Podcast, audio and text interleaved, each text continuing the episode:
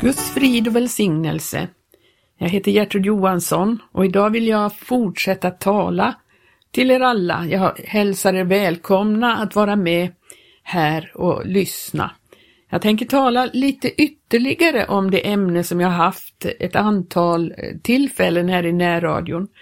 Vi har talat om vad som hände på pingstdagen i Jerusalem när den helige ande föll och lärjungarna blev uppfyllda av helig ande och undfick kraft till att vara Guds vittnen som Jesus hade lovat dem och hur, vad som hände, hur Petrus kunde predika så att eh, väldigt många människor fick ett stygn i sina hjärtan och frågade vad ska vi göra?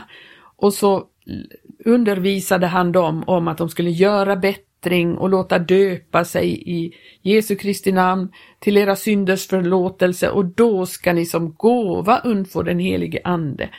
Och, och så har jag utgått ifrån vers 42 där det står att dessa, de som då hade tagit emot Guds ord och blivit frälsta, dessa höll fast vid apostlarnas undervisning och brödragemenskapen vid brödsbrytelsen och bönerna. Och vi har ägnat oss åt att se på de olika punkterna, detta som dessa människor höll fast vid. Av någon, någon, ja, vi förstår att det fanns en anledning till att de måste hålla fast vid det, att det fanns ting som ville dra dem därifrån. Men jag vill ytterligare titta på vad som hände då, för det blev ju en oerhört väldigt annorlunda gemenskap som uppstod på den här dagen. Församlingen ökades på den dagen med vid pass 3000 står det. Den fanns redan församlingen för eh, det eh, var ju så att Jesus hade haft lärjungar omkring sig och han hade undervisat dem. Han hade visat dem vägen genom sitt eget exempel och han hade talat till dem. Han hade uttytt skrifterna för dem och de hade fått veta väldigt mycket.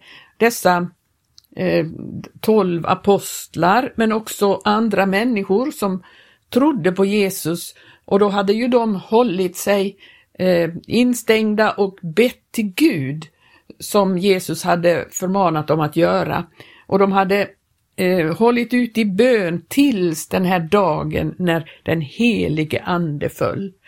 Och de 120 hade ju en kunskap då som den helige ande kunde ta tag i och så de kunde lära och förstå vad Guds ord menade, vad profetiorna menade och vad Jesus hade menat med saker och ting som han sa. Den helige ande skulle ju komma för att eh, lära er allt och påminna er allt, hade Jesus sagt till dem.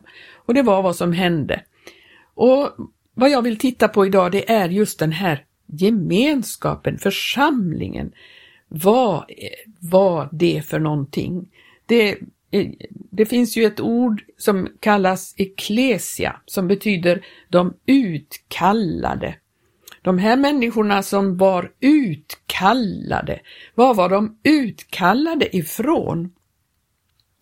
Vi kan läsa om det i Johannes 17, Jesu bön för sina, eh, sina lärjungar. I 17 kapitlet i Johannes så kan vi läsa där från sjätte versen. Jag har uppenbarat ditt namn för de människor som du har tagit ut ur världen och givit åt mig. Det vore dina och du har givit dem åt mig och de har hållit ditt ord. Nu har de förstått att allt vad du har givit åt mig, det kommer från dig. Ty det ord som du har givit åt mig har jag givit åt dem, och de har tagit emot dem och har i sanning förstått att jag är utgången från dig, och de tror att du har sänt mig. Vi kan läsa och fortsätta i detta kapitel ända till eh, slutet av det, för det talar om vad Jesu plan var med dem och vad Guds plan var med dessa människor. Så vi fortsätter i nionde versen. Jag ber för dem. Det är inte för världen jag ber utan för dem som du har givit åt mig, ty det är dina. Som allt mitt är ditt och ditt är mitt och jag är förhärligad i dem Jag är nu inte längre kvar i världen, men det är kvar i världen när jag går till dig. Helige Fader, bevara dem i ditt namn, det som du har förtrott åt mig, för att det må vara ett, lika som vi är ett. Medan jag var hos dem bevarade jag dem i ditt namn, det som du har förtrott åt mig. Jag vakade över dem och ingen av dem gick i fördärvet, ingen utom fördärvets man, ty skriften skulle ju fullbordas. Nu går jag till dig, dock talar jag detta medan jag ännu är här i världen för att det ska ha min glädje fullkomlig i sig. Jag har givit dem ditt ord och världen har hatat dem, eftersom det icke är av världen, liksom icke heller jag är av världen. Jag ber icke att du ska taga dem bort ur världen, utan att du ska bevara dem från det onda. Det är icke av världen, liksom icke heller jag är av världen.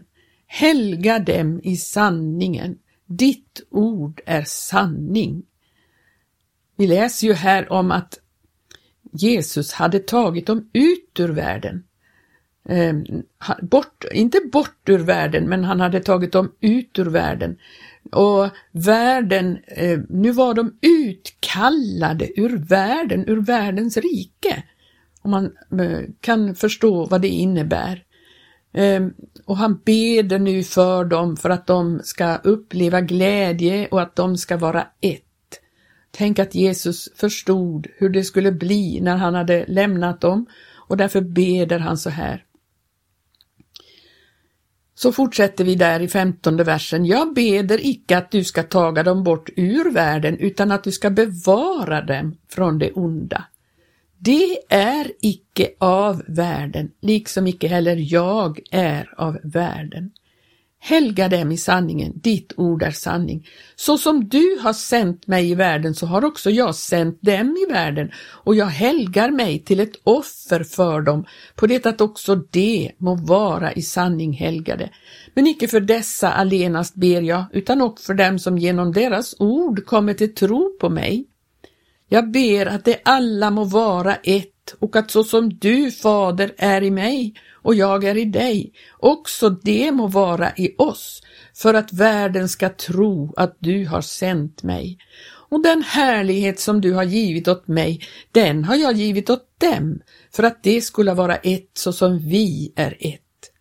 Jag i dem och du i mig, ja, för att det ska vara fullkomligt förenade till ett så att världen kan förstå att du har sänt mig och att du har älskat dem så som du har älskat mig. Fader, jag vill att där jag är, där skola och det som du har givit mig vara med mig, så att de får se min härlighet som du har givit mig. Ty du har älskat mig före världens begynnelse. Rättfärdige Fader, Världen har icke lärt känna dig, men jag känner dig och dessa hava förstått att du har sänt mig.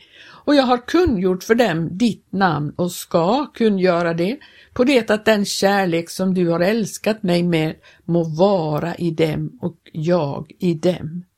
Den här bönen tycker jag beskriver så oerhört vilken eh, väldigt annorlunda skara detta är. En skara som inte längre tillhör världen, som inte är av världen. Och vad innebär det? Att den inte är av världen. Man är ju född i världen och man, eh, vad är det som inte är av? Jo, man när sig inte längre av världens eh, tankar, idéer och eh, eh Ja, man när sig inte längre vid det som världen erbjuder. Man lever ju av någonting. Man lever av det man intar och nu skulle dessa människor inte längre inta det som världen bjöd, utan de levde istället av det som utgår av Guds mun, av hans ord. Och detta gjorde ju att det blev en skara som var så helt annorlunda. Eh, dessa människor som nu fick ta emot det här på pingstdagen, de blev en så helt annorlunda skara. De fick ett helt nytt liv. Ett helt nytt liv. Inte bara en liten sektor i deras liv blev nu annorlunda, utan det var ett så annorlunda liv så att det, det fanns ingenting gemensamt med det förra livet. De blev döda för världen och världen blev död för dem, vilket innebär att de var helt ointresserade av vad världen erbjöd och vad världen representerade. Man var inte längre, hade inte sitt intresse där, man hade inte sin, sin, eh, sitt liv där längre, utan nu hade man fått ett helt nytt liv med en helt annat mål, en helt annat inriktning, en helt annat intresse och eh, allt detta gjorde att det blev en sån gemenskap som var mer än en vanlig förening. Det var, eh, det var inte någonting som man bara hade någon dag i veckan utan det var en gemenskap som innefattade hela livet. Det står ju att de höll sig tillsammans och hade allting gemensamt och sålde sina jordagods och vad de eljest ägde och delade med sig därav åt alla eftersom var och en behövde. Man behövde ju fortfarande äta, man behövde ju fortfarande eh, ja, ha Eh, Eh, lekamligt, men det fick man lösa på detta sätt att man delade med sig åt alla. Och så står det att ständigt var dag var de endräktigt tillsammans i helgedomen och hemmahusen, bröt de bröd och åt med fröjd och i hjärtats enfald och lovade Gud. Vi ser ju att det verkligen var någonting som eh, hade skapat en sån innerlig gemenskap. Och de hade, som i fjärde kapitlets 32 vers så står det att i hela skaran av dem som trodde var ett hjärta och en själ. Ingen enda kallade något av det han ägde för sitt utan de hade allting gemensamt. Eh, och så vidare, de delade ut vad de ägde och, och det fanns ingen som led nöd ibland dem.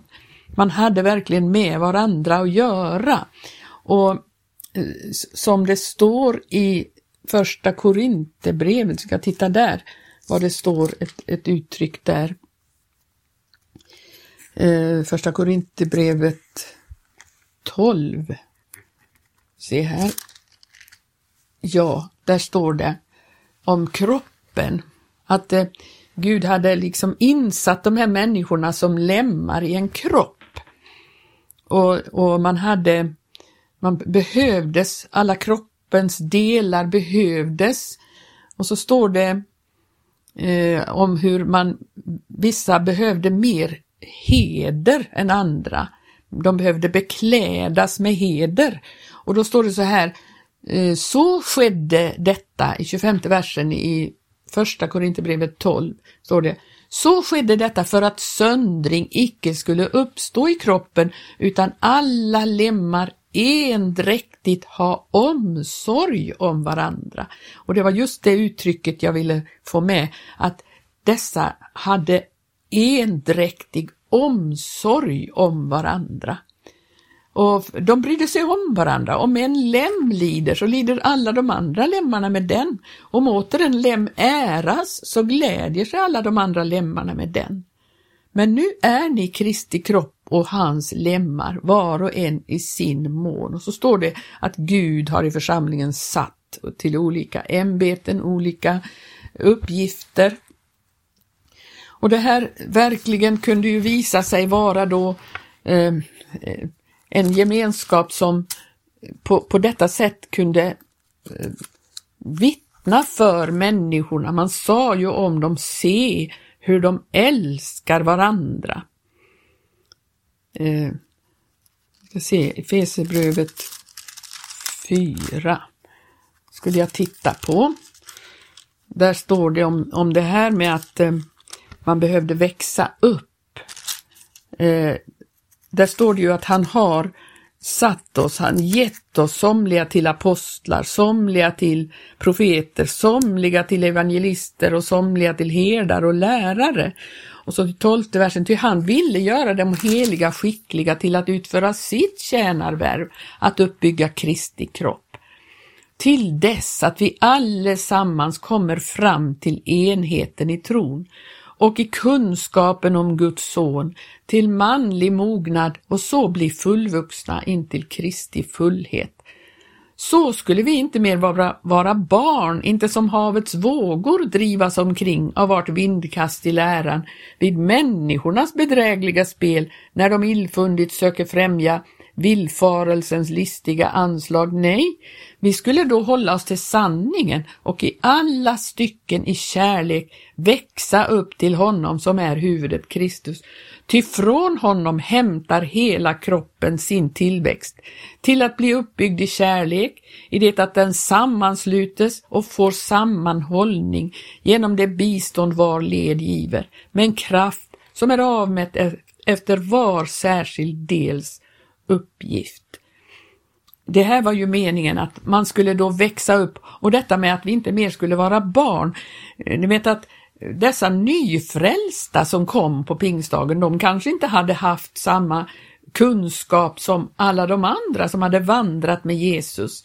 De hade eh, blivit eh, frälsta och döpta och andedöpta men de behövde ju undervisas så som de här 120 hade fått undervisning. Och då fick de säkert dela med sig så att de andra också kunde växa upp till huvudet Kristus.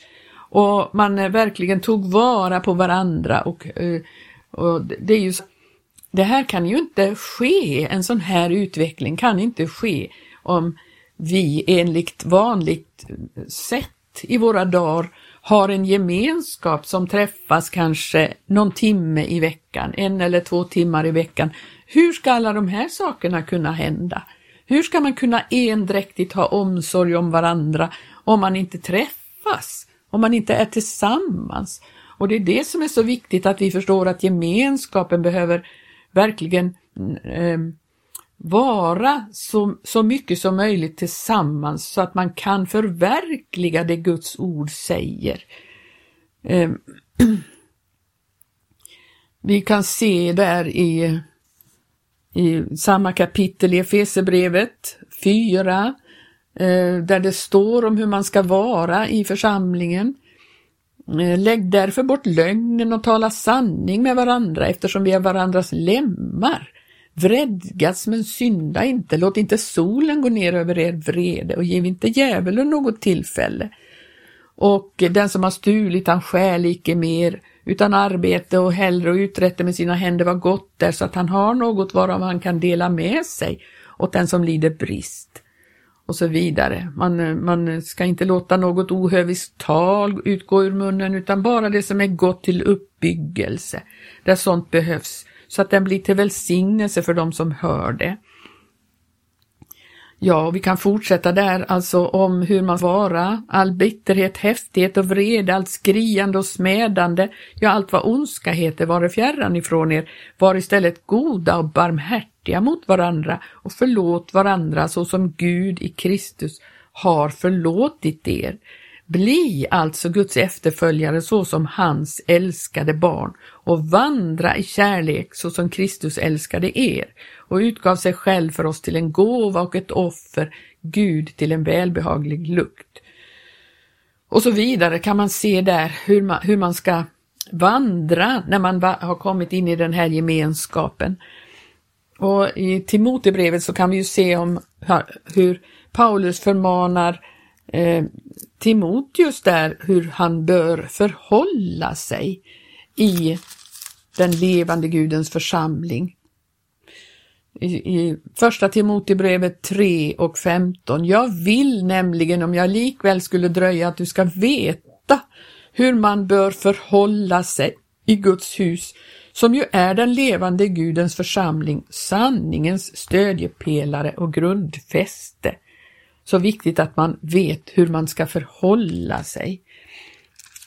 I Kolosserbrevet eh, 3 så kan vi läsa från tolfte versen. Så klä det nu så som Guds utvalda, hans heliga och älskade i hjärtlig barmhärtighet, godhet, ödmjukhet, saktmod och tålamod och ha fördrag med varandra och förlåt varandra om någon har något att förebrå en annan. Så som Herren har förlåtit er så ska också ni förlåta. Men över allt detta ska ni ikläda er kärleken, ty den är fullkomlighetens sammanhållande band. Och låt Kristi frid regera i era hjärtan, ty till att äga den är ni också kallade såsom lemmar i en och samma kropp. Och var tacksamma. Låt Kristi ord rikligen bo ibland er, undervisa och förmana varandra i all vishet med salmer och lovsånger och andliga visor och sjung med tacksägelse till Guds ära i era hjärtan. Och allt vad helst ni företar er i ord eller gärning, gör det allt i Herren Jesu namn och tacka Gud Fadern genom honom.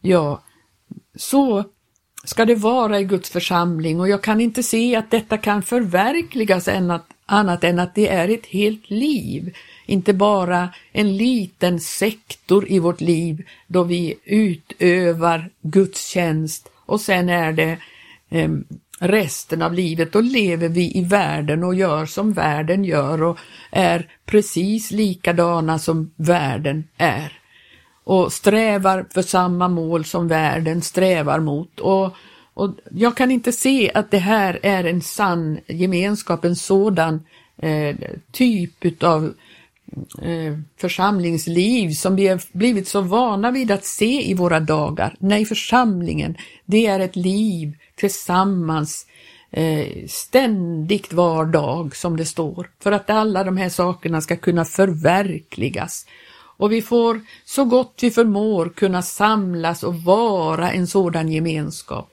Annars blir det ett religiöst eh, liv vi har, att man ramar in det här gudstjänstlivet i en liten del utav tillvaron. Det är att vara religiös och då uppstår ljumhet och eh, eh att den första kärleken kallnar. Nej, den första kärleken behöver hållas levande och brinnande och då behöver vi hålla fast vid de här tingen som vi har läst om i Apostlagärningarna. Brödragemenskapen, brödsbrytelsen, bönerna, men också apostlarnas undervisning. Allt det här behöver vi hålla fast vid i våra dagar så att vi upplivar den kärlek som behöver vara den första kärleken i våra liv så att vi kan vinna seger i den här tiden och vara en varm, levande, sann församling där Gud kan uppenbara sig och förhärliga sig, som Jesus bad om i sin bön. Nu har tiden gått och jag ska nästa gång, om Herren dröjer och vi får leva, möjligen tala om den dyrbara tron. Men eh, vi får se hur Herren leder. Och jag ber Eh, att Gud må välsigna er alla som har lyssnat. På återhörande.